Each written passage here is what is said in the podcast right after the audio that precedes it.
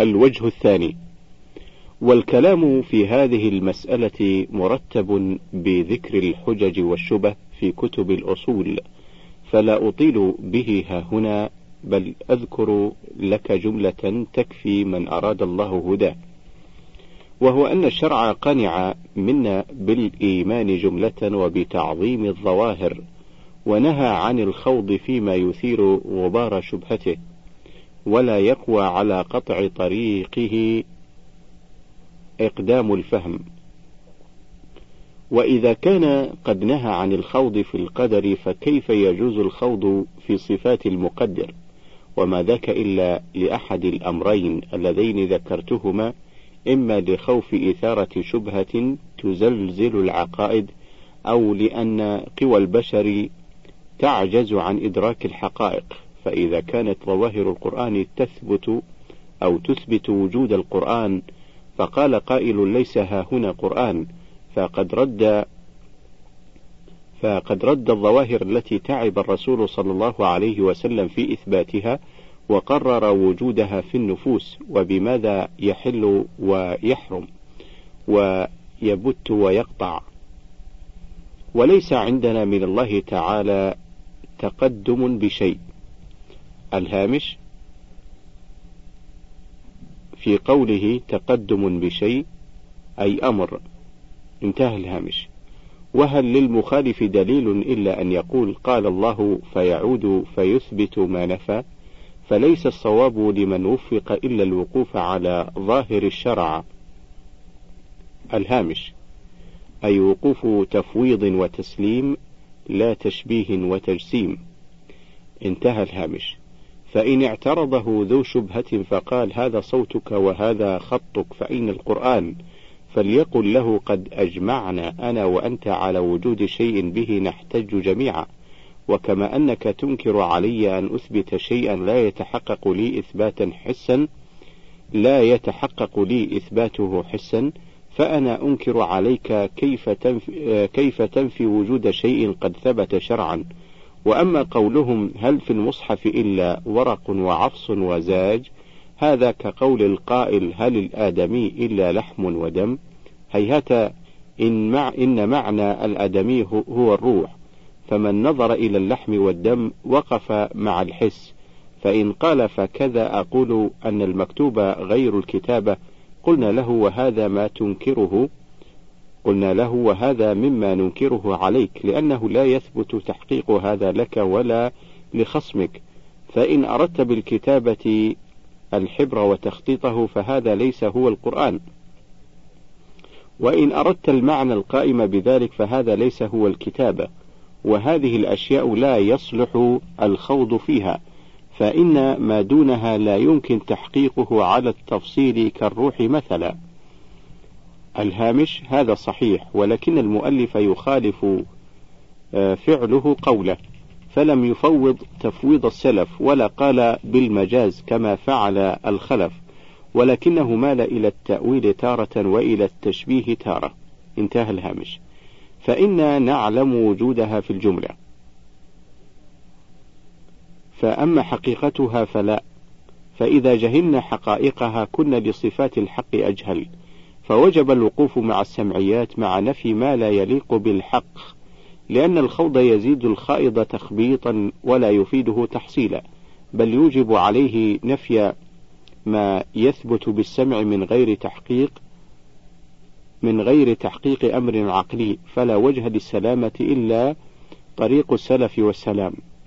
وكذا أقول إن إثبات الإله بظواهر الآيات والسنن ألزم للعوام من تحديثهم بالتنزيه وإن كان التنزيه لازما.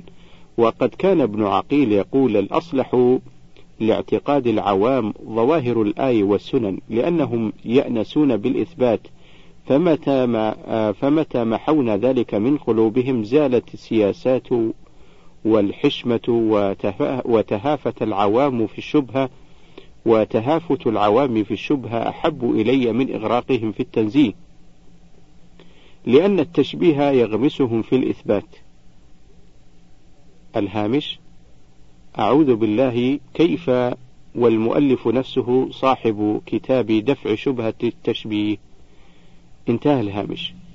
فيطمع ويخاف شيئا قد أنسوا إلى ما يخاف آه، مثله. قد أنسوا إلى ما يخاف مثله ويرجى فالتنزيه يرمي بهم إلى النفي ولا طمع ولا مخافة من النفي. ومن تدبر الشريعة رآها عامة للمكلفين في التشبيه بالألفاظ التي لا يعطي ظاهرها سواه كقول الأعرابي أو يضحك ربنا؟ قال نعم فلم يكفره من هذا القول. الهامش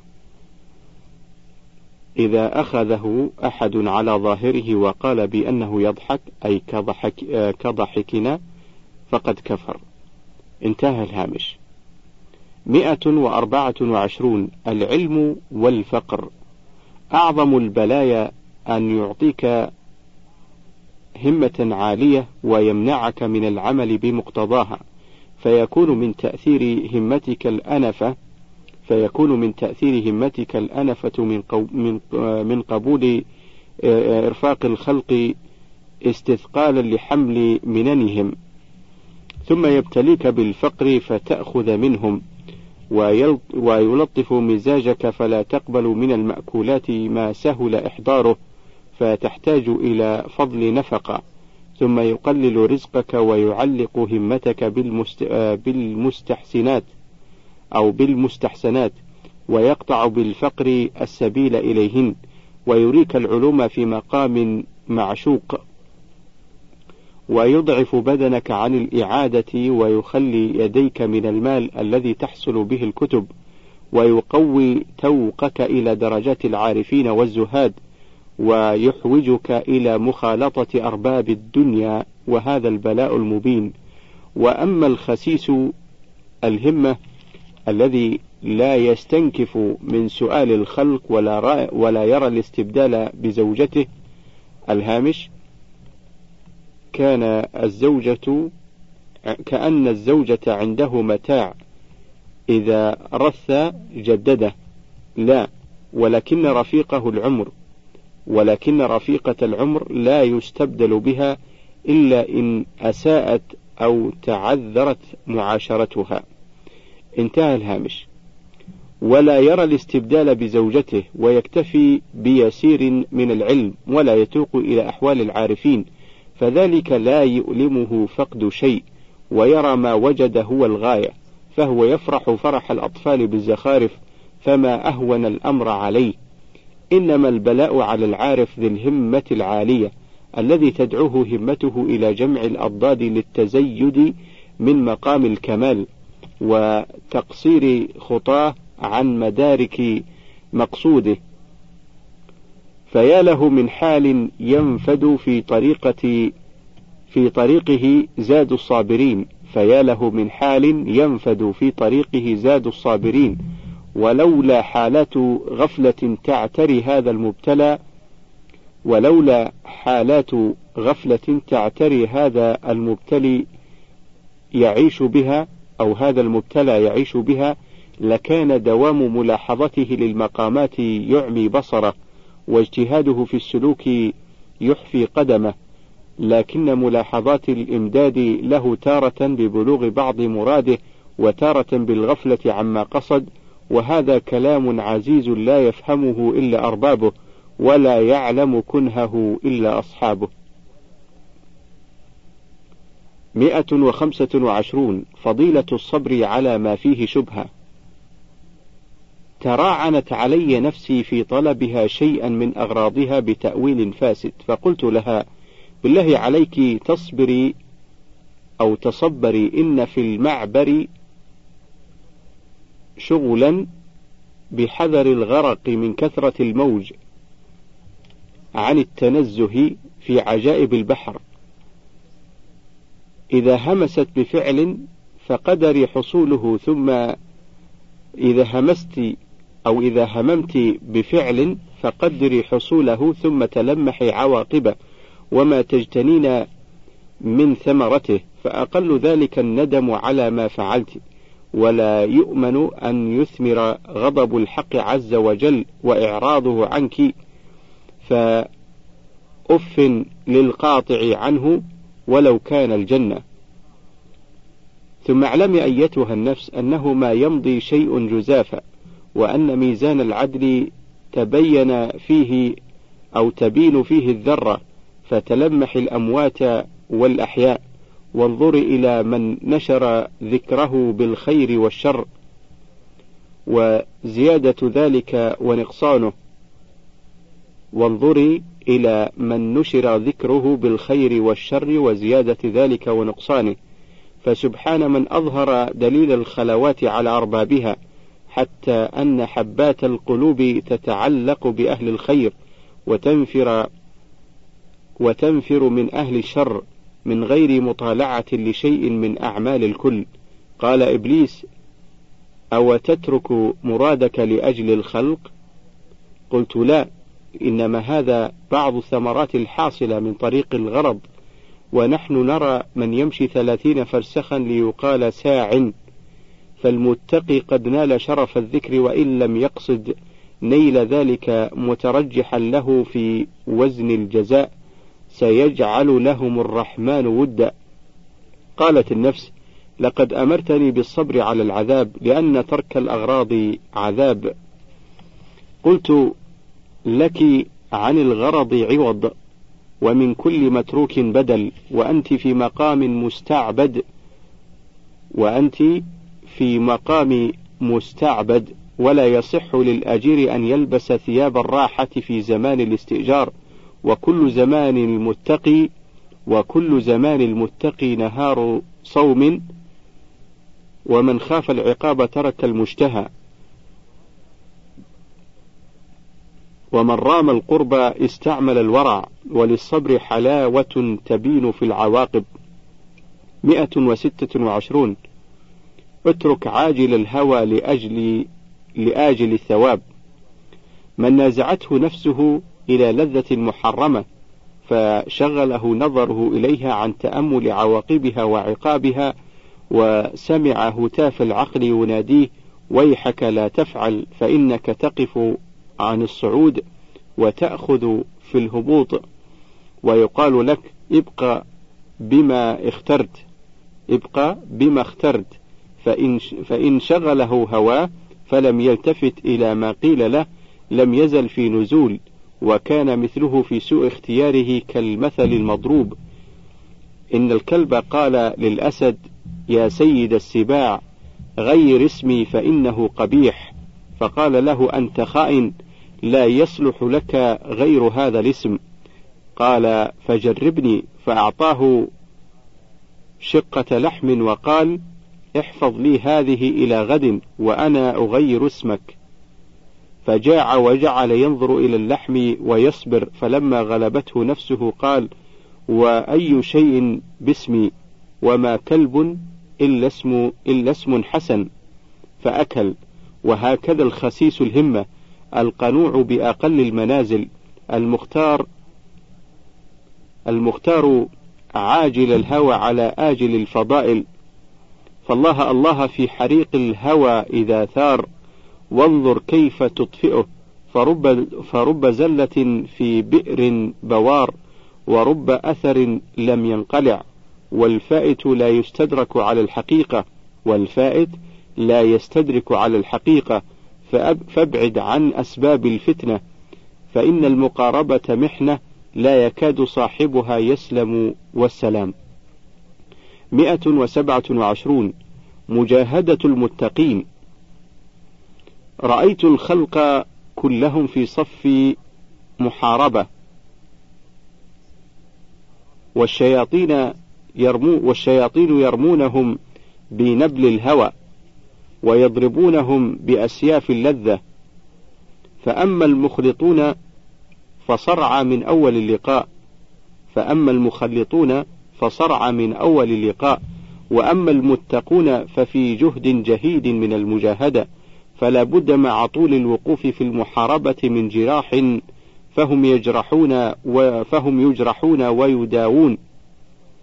إلا أن القتل محفوظ بلى إن الجراحة في الوجه شين باق فليحذر ذلك. أو فليحذر ذلك. الهامش يريد أنهم أمنوا القتل ولم يأمنوا الجراح. مثل بذلك للمتقين لا يقعون في الكفر لكن لا يخلصون من المعاصي. وهذه الجملة مثال على تعقيد المؤلف وقصور تعبيره أحيانا. انتهى الهامش. مئة وثمانية وعشرون. الدنيا فخ. الدنيا فخ والجاهل بأول نظرة وقع. فأما العاقل المتقي فهو يصابر المجاعة ويدور حول الحب فهو يصابر المجاعة ويدور حول الحب. الهامش الحب الموضوع في الفخ مثل بالفخ مثل بالفخ للمعصية وبالحب للذتها. انتهى الهامش. ويدور حول الحب والسلامة بعيدة فكم من صابر واجتهد سنين. ثم في آخر الأمر وقع فالحذر الحذر فقد رأينا من كان على سنن الصواب. فقد رأينا من كان على سنن الصواب ثم زل على شفير القبر. مئة وتسعة وعشرون. مرارة الذنوب وعواقبها. اعلموا إخواني ومن يقبل نصيحتي أن للذنوب تأثيرات قبيحة مراراتها تزيد على حلاوتها أضعافا مضاعفة والمجازي بالمرصاد لا يسبقه شيء ولا يفوته. أوليس يروى في التفسير أن كل واحد من, أو من أولاد يعقوب عليهم السلام وكانوا اثني عشر ولد له اثنا عشر ولدا إلا يوسف فإنه ولد له أحد عشر وجوزي بتلك الهمة فنقص ولدا. فنقص ولدا. الهامش في قوله وجوزي بتلك الهمة. الهامش من هذا المعنى وهو رجم بالغيب بلا دليل. مر هذا المعنى وهو رجم بالغيب بلا دليل. ذلك لأن يوسف عليه السلام رأى برهان ربه فكف ولو كان المجال مجال عقوبة لكان ذنبهم فيما صنعوا به أكبر من همه الذي هم به. وانظر ما قاله المؤلف عنهم في الفصل الحادي عشر بعد المئة. ولو كان الفضل ولو كان الفضل بكثرة الولد لكان إخوة يوسف أفضل من إبراهيم عليه السلام. انتهى الهامش. فوأسف لمضروب بالسياط ما يحس بالألم ولمثخن بالجراح وما عنده من نفسه خبر ولمتقلب في عقوبات ما يدري بها ولعمري إن أعظم العقوبة أن لا يدري بالعقوبة فواعجبا للمغالط نفسه يرضى أو يرضي ربه بطاعة ويسرق معصية ويقول حسنة وسيئة ويك من من كيسك تنفق ويك من كيسك تنفق ومن بضاعتك تهدم ووجه جاهك ووجه جاهك تشين و ورب جراحة قتلت ورب عثرة أهلكت ورب فارط لا يستدرك أو لا يستدرك. ويحك انتبه لنفسك ما الذي تنظر ما الذي تنتظر بأوبتك؟ وماذا تترقب بتوبتك؟ المشيب؟ فها هو أوهن العظم. وهل بعد رحيل الأهل والأولاد والأقارب إلا اللحاق؟ قدر أن ما تؤمله قدر أن ما تؤمله من الدنيا قد حصل فكان ماذا؟ أما هو عاجل فشغلك عاجلا؟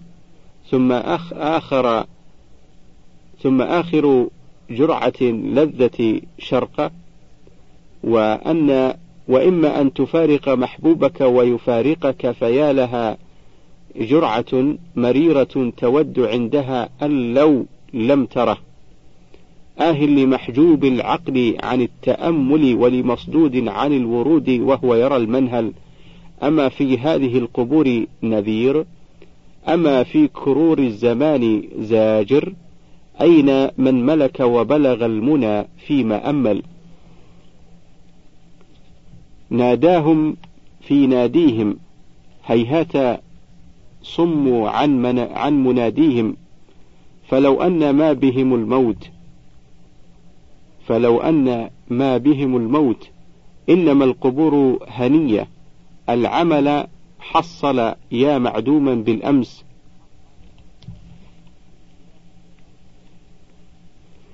يا متلاشي الأشلاء. الهامش كلمة تلاشى لا أصل لها في الفصيح وفي, وفي كلام المؤلف كثير جدا من أمثالها. انتهى الهامش. يا متلاشي الأشلاء في الغد يا متلاشي الأشلاء في الغد بأي وجه تلقى ربك؟ أيساوي ما تناله من الهوى؟ لفظ عتاب بالله إن الرحمة بعد المعاتبة ربما لم تستوفي قلع البغضة من صميم القلب فكيف إن أعقب العتاب عقاب؟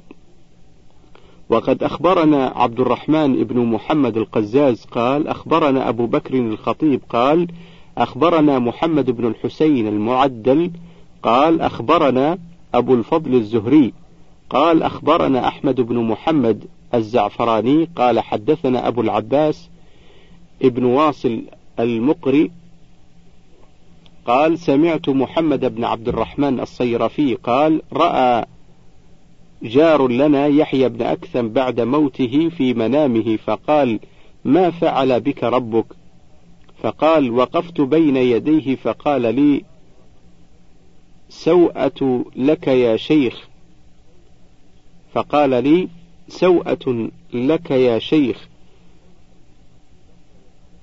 فقلت يا رب إن رسولك قال إنك لتستحي من أبناء الثمانين أن تعذبهم وأنا ابن, الثما وأنا ابن ثمانين أسير الله في الأرض.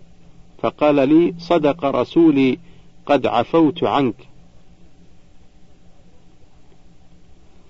وفي رواية أخرى عن محمد بن سلم الخواص قال رأيت يحيى بن أكثم في المنام فقلت ما فعل الله بك؟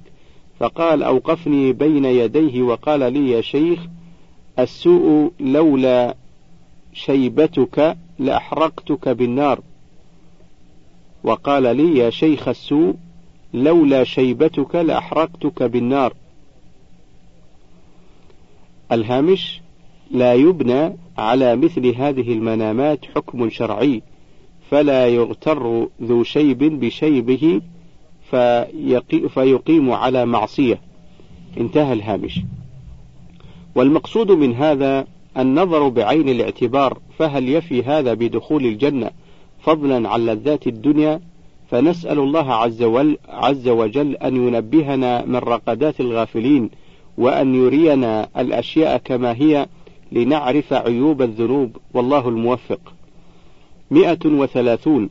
ومن يتق الله يجعل له مخرجا.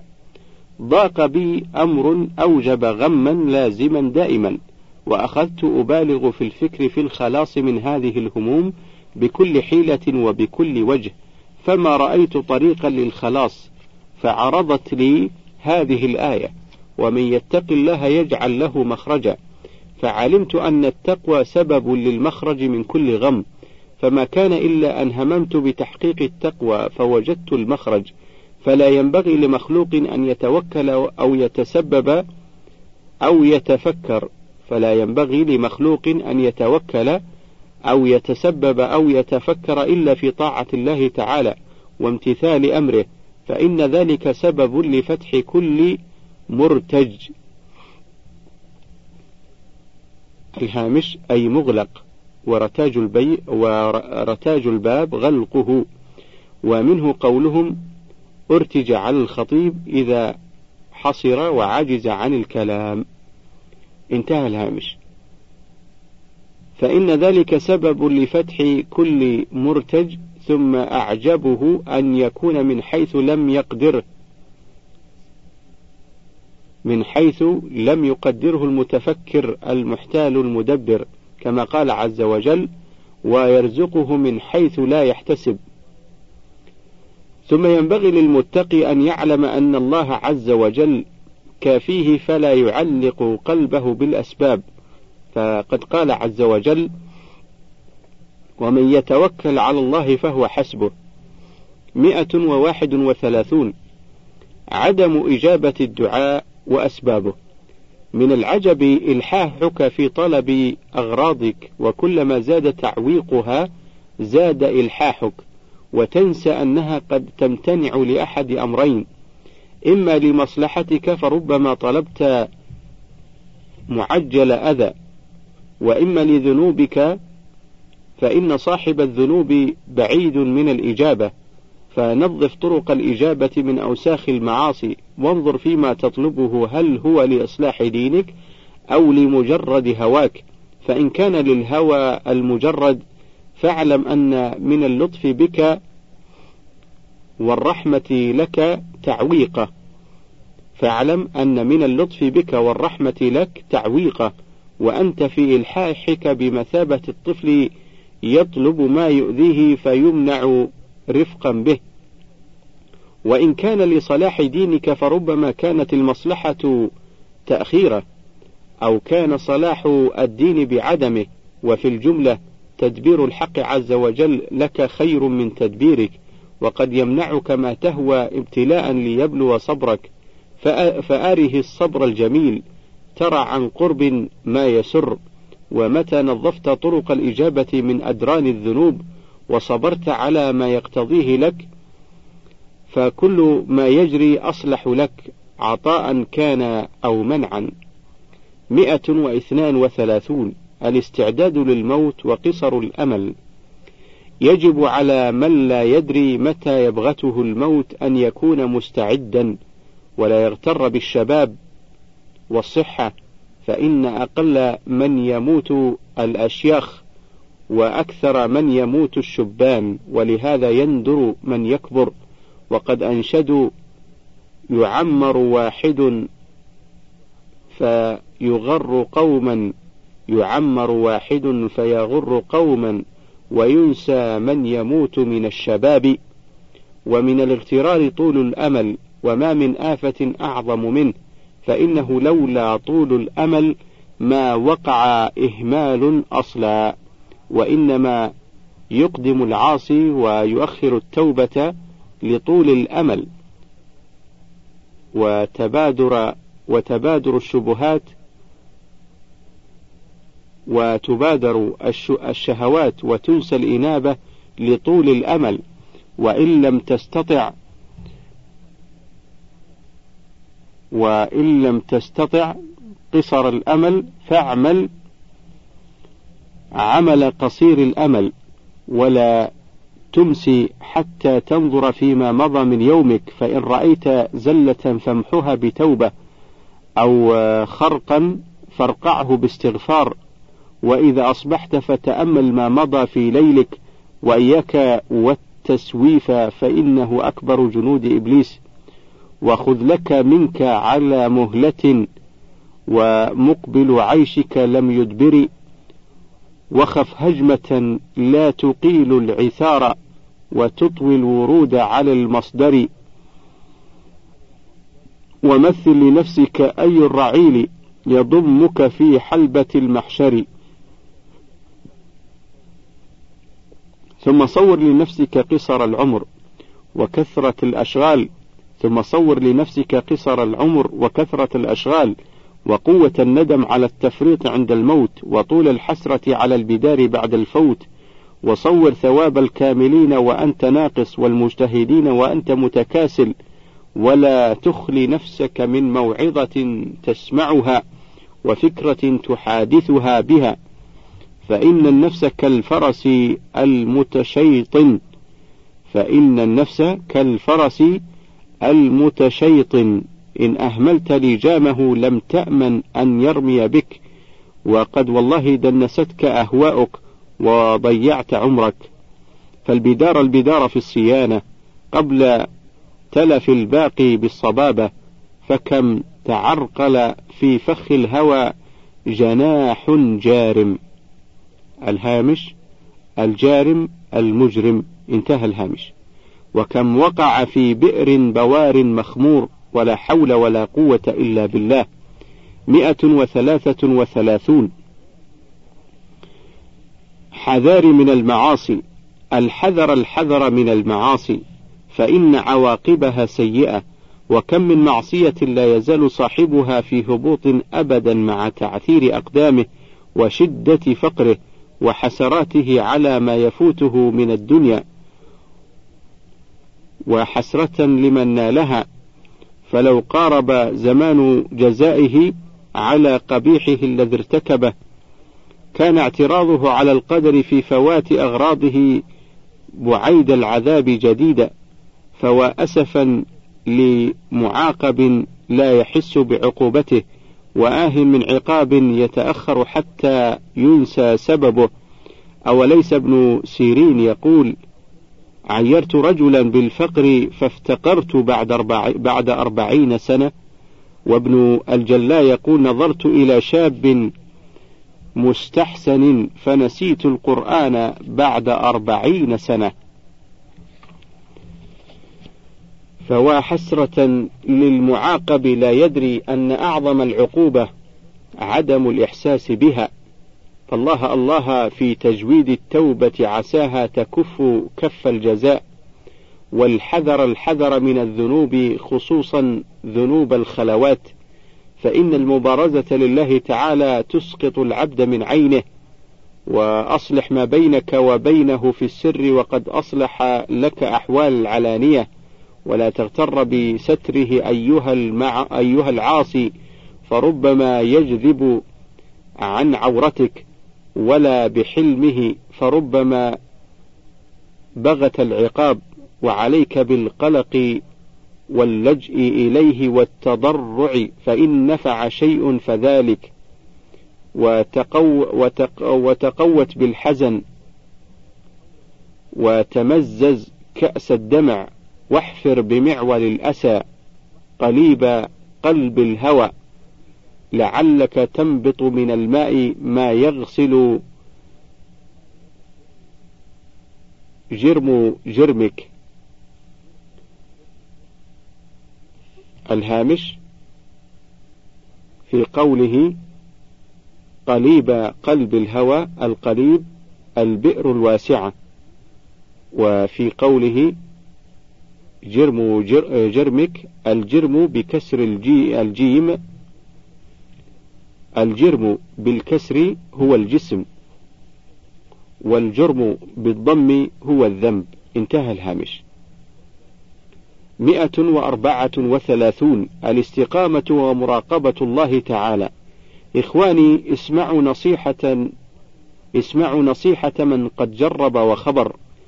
أنه بقدر إجلالكم لله عز وجل يجلكم وبمقدار تعظيم قدره واحترامه يعظم أقداركم وحرمتكم. ولقد رأيت والله من أنفق عمره في العلم إلى أن كبرت سنه ثم تعدى بعض الحدود فهان عند الخلق وكانوا لا يلتفتون إليه مع غزارة علمه وقوة مجاهدته. ولقد رأيت من كان يراقب الله عز وجل في صبوته مع قصوره بالإضافة إلى ذلك العالم فعظم الله قدره في القلوب حتى علقته النفوس ووصفته بما يزيد على ما فيه من الخير. ورأيت من كان يرى الاستقامة إذا استقام فإذا زاغ مال اللطف عنه. ولولا عموم الستر وشمول رحمة الكريم لافتضح هؤلاء المذكورون غير أنه في الأغلب تأديب أو تلطف في العقاب كما قيل ومن كان في سخطه محسنا فكيف يكون إذا ما رضي؟ غير أن العدل لا يحابي وحاكم الجزاء لا يجور وما يضيع عند الأمين شيء. مئة وخمسة وثلاثون للبلايا أوقات قد تطول. أيها المذنب إذا أحسست نفحات الجزاء فلا تكتثرن فلا تكثرن الضجيج ولا تقولن قد تبت وندمت فهل زال عني من الجزاء ما أكره فلعل توبتك ما تحققت. وأن للمجازاة زمانا يمتد امتداد المرض الطويل فلا تنجح فلا تنجح فيه الحيل حتى ينقضي أوانه وأن بين زمان وعصى إلى إبان فتلقى مدة مديدة. الهامش هذه إشارة إلى آيتي وعصى آدم ربه فغوى. وقوله تعالى فتلقى آدم من ربه كلمات فتاب عليه. انتهى الهامش. فاصبر أيها الخاطئ حتى يتخلل ماء عينيك خلال ثوب القلب المتنجس. فإذا عصرته فإذا عصرته كف الأسى ثم تكررت دفع الغسلات حكم بالطهارة. بقي آدم يبكي على زلته ثلاثمائة سنة. ومكث أيوب عليه السلام في بلائه ثمان عشرة سنة وأقام يعقوب يبكي على يوسف عليهما السلام ثمانين سنة. الهامش من أين جاء بهذه الأرقام؟ انتهى الهامش. وللبلايا أوقات ثم تنصرم ورب عقوبة امتدت إلى زمان الموت فاللازم أن تلازم محراب الإنابة. وتجلس جلسة المستجدي وتجعل طعامك القلق وشربك البكاء فربما قدم بشير القبول فارتد يعقوب الحزن بصيرا وإن مت في سجن شجنك فربما ناب حزن الدنيا عن حزن الآخرة وفي ذلك ربح عظيم. مئة وستة وثلاثون احذر عاقبة العاصي. الواجب على العاقل أن يحذر مغبة المعاصي.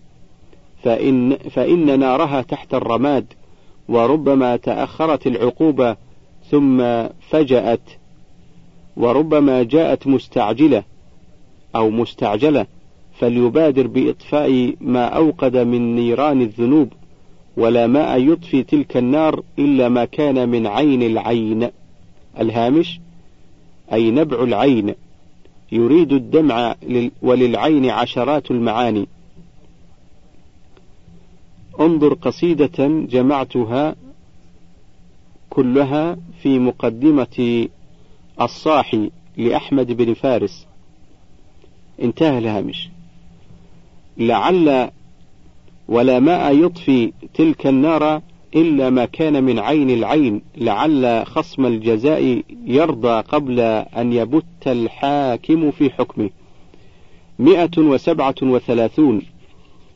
وجوب التوبة والعمل وجوب التوبة والعمل للآخرة وعجبا من عارف بالله عز وجل وعجبا من عارف بالله عز وجل يخالفه ولو في تلف نفسه هل العيش إلا معه؟ هل الدنيا والآخرة إلا له؟ أف لمترخص فعل ما يكره لنيل أف لمترخص فعل ما يكره لنيل ما يحب. تالله لقد فاته أضعاف ما حصل. أقبل على ما أقوله يا ذا الذوق. هل وقع لك تعثير في عيش وتخبيط في حال؟ إلا حال مخالفته. ولن ثنى عزمي عن بابكم إلا تعثرت بأذيالي. ولن ثنى عزمي عن بابكم إلا تعثرت بأذيالي. أما سمعت تلك الحكاية عن بعض السلف أنه قال رأيت على سور بيروت شابا يذكر الله تعالى فقلت له ألك حاجة؟ فقال إذا وقعت لي حاجة سألته إياها بقلبي فقضاها. يا أرباب المعاملة بالله عليكم لا تكدروا المشرب. يا أرباب المعاملة بالله عليكم لا تكدروا المشرب. قفوا على باب المراقبة وقوف الحراس وادفعوا ما لا يصلح أن يلج فيفسد. واهجروا أغراضكم لتحصيل محبوب الحبيب. فإن أغراضكم تحصل على أني أقول أف لمن ترك بقصد الجزاء الهامش أي رجاء المكافأة ومن ترك الذنب بقصد المكافأة كان محسنا في نظر الشرع ولا يقال له أف. انتهى الهامش. أهذا شرط العبودية؟ كلا إنما ينبغي لي إذا كنت مملوكا أن أفعل ليرضى لا ليرضى لا لأعطى. فإن كنت محبا رأيت قطع الإرب في رضاه وصلا. اقبل نصحي يا مخدوعا بغرضه إن, ضعف إن ضعفت عن حمل بلائه فاستغث به. وإن آلمك كرب اختياره فإنك بين يديه ولا تيأس من روحه. وإن قوي خناق البلاء بالله إن موت الخادم في الخدمة حسن عند العقلاء.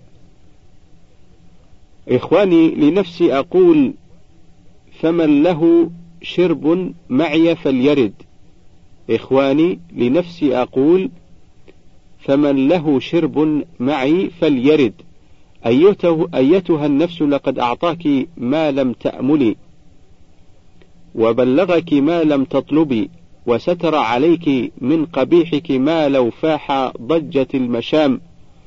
فما هذا الضجيج من فوت كمال الأغراض؟ أمملوكة أنت أم حرة؟ أما علمت أنك في دار التكليف وهذا الخطاب ينبغي أن يكون للجهال فأين دعواك المعرفة؟ أتراه لو هبت نفحة فأخذت البصر كيف كانت تطيب لك الدنيا. وأسفا عليك لقد عشت البصيرة التي هي أشرف. وما علمت كم أقول عسى ولعل. وأنت في الخطأ إلى قدام. قربت سفينة العمر من ساحل القبر. وما لك في المركب بضاعة تربح. تلاعبت في بحر العمر أو تلاعبت في بحر العمر ريح الضعف ففرقت تلفيق القوى وكان قد فصلت الموكب وكان قد فصلت المركب. بلغت نهاية الأجل وعين هواك تتلف إلى تتلفت إلى الصبا. بلغت نهاية الأجل وعين هواك تتلفت إلى الصبا. بالله عليك لا تشتمي. بالله عليك لا تشمتي بك أو لا تشمت بك الأعداء. هذا أقل الأقسام وأوفى منها أن أقول أن أقول بالله عليك لا يفوتنك قدم سابق مع قدرتك على قطع المضمار. انتهى الشريط. الثامن وننتقل إلى الشريط التاسع.